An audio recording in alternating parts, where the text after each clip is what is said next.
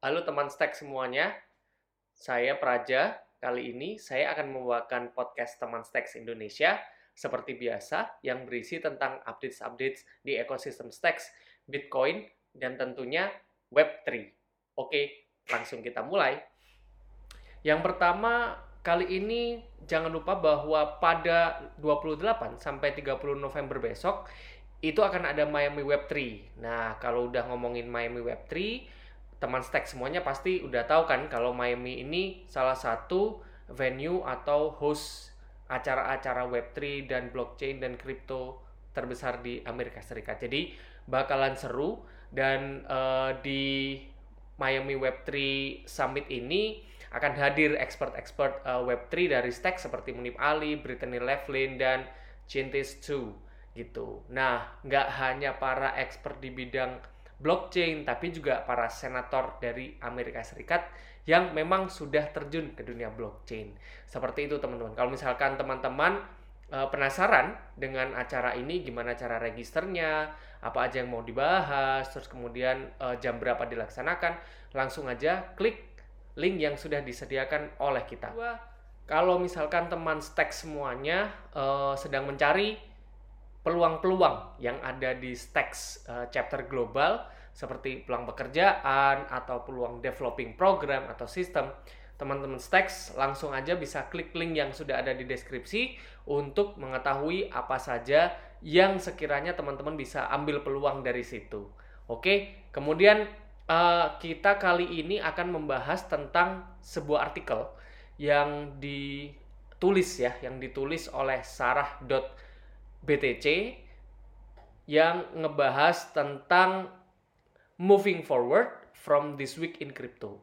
Seperti yang teman Stacks semuanya ketahui, kalau misalkan dua minggu terakhir ini kan dinamikanya sangat uh, heboh gitu ya, sangat keras dengan ada drama-drama dari Binance dan FTX yang mana kemudian akhirnya orang-orang mempertanyakan lagi apakah kripto ini aman kalau misalkan disimpan di centralized uh, finance kayak gitu.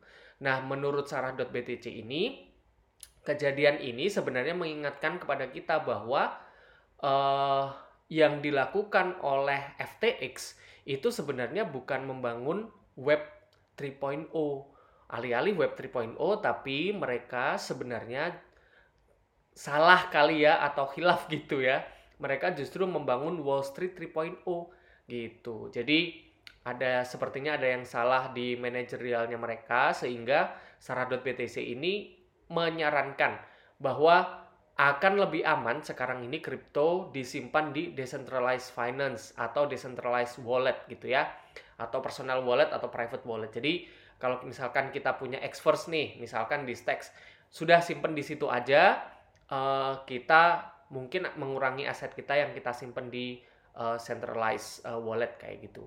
Nah, terus habis gitu saran yang kedua oleh sar.btc ini adalah kita bisa menyimpan aset kripto kita di cold wallet atau wallet fisik ya, domain-domain fisik seperti uh, biasanya yang bentuknya kayak uh, flash disk kayak gitu ya. Jadi uh, itu akan lebih lebih aman karena uh, bisa terhindar dari virus bisa terhindar dari phishing, scam dan kawan-kawan gitu. Jadi meminimalisir hal-hal yang tidak diinginkan. Itu adalah saran-saran dari sarah.btc yang terrangkum dalam artikelnya yang berjudul Moving Forward from This Week in Crypto. Cek aja langsung linknya di deskripsi kita. Ya, kita ngebahas tentang Milk Road Newsletter ya. Wah, ini Milk Road Newsletter masih bisa belum move on nih dari pembahasan FTX dan Binance. Jadi kali ini Milk Road menuliskan update nih tentang drama Binance dan FTX. Nah, ada bocoran percakapan direct message nih antara SBF dengan uh, Casey Piper, salah seorang jurnalis di Fox. Hasilnya adalah si SBF ini bilang kalau dia sebenarnya membenci uh, mayoritas regulator gitu ya, walaupun si SBF ini sering bertemu dengan uh, para regulator ini. Terus kemudian uh, eh, SPF juga mengakui kalau langkah-langkah yang dia ambil sebenarnya hanya untuk mencari perhatian aja dari para regulator. Yang kedua, SBF ini memandang apa yang dia perbuat sebenarnya tidak uh, diduga akan jadi seperti ini gitu ya. Terus uh, dia merasa keputusan yang diambil itu uh, suatu keputusan yang sudah tepat, tapi dampaknya seperti uh, snowball effect gitu ya, atau efek bola salju yang menggelinding terus sampai membesar kayak gitu. Nah, yang poin ketiga yang dirangkum oleh Milk Road adalah SBF juga memandang dirinya tidak salah sebenarnya terkait penipuan yang dia lakukan. Eh, karena menurut dia pemenang pasti benar dan dia berada di posisi. Dia hanya merasa salah atas satu hal. Jadi si SBF ini hanya merasa salah atas satu hal yaitu pengajuan kebangkrutan atas FTX. Dan ada beberapa hal mengejutkan dalam laporan yang ditulis oleh Fox. Yang pertama, FTX tidak memiliki manajemen cash dan jejak rekam karyawan. Wow. Yang kedua, para manajer hanya menerima rekruti dengan emoji.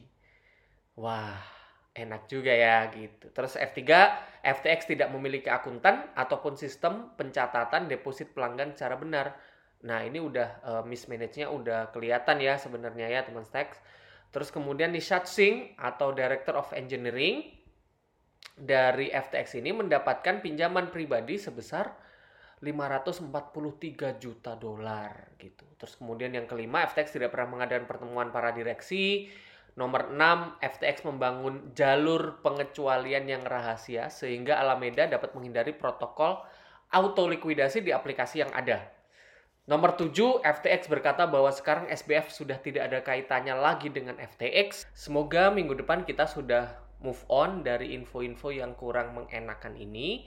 Semoga FTX maupun Binance bisa move on ke tahapan yang lebih progresif untuk uh, Web3 dan cryptocurrency.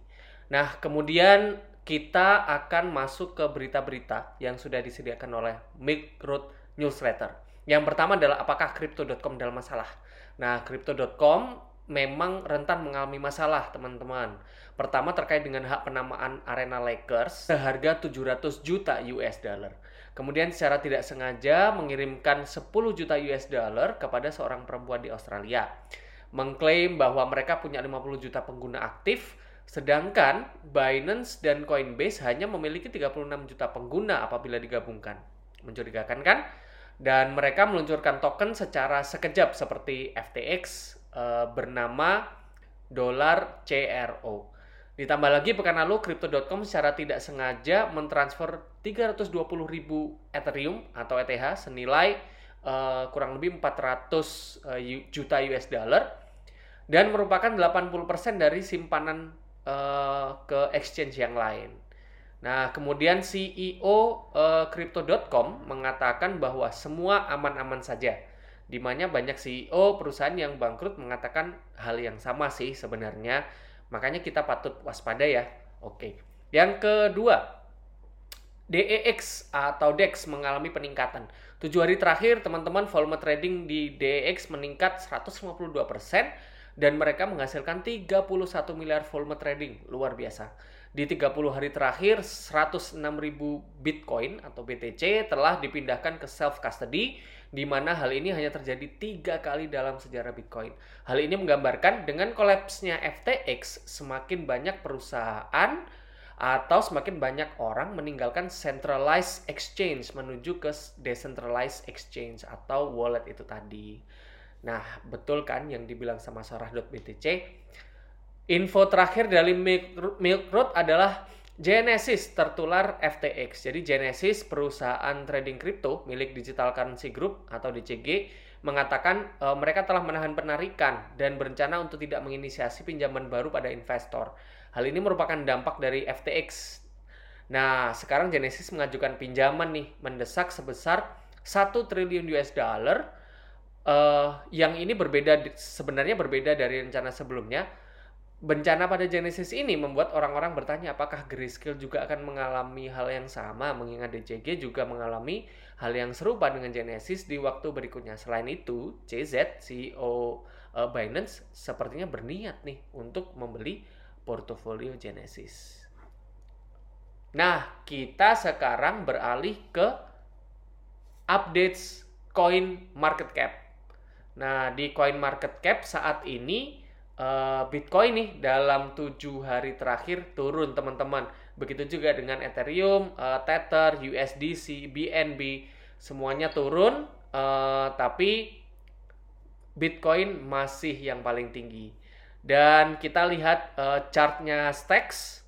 Nah, Stacks kemarin sempat di urutan 87 88 sekarang turun ke 90 tapi 7 hari terakhir trennya naik teman-teman trennya positif jadi uh, stay tune dengan podcast teman Stacks yang akan update berita-berita tiap minggu untuk ekosistem Stacks, Bitcoin dan Web3 secara keseluruhan.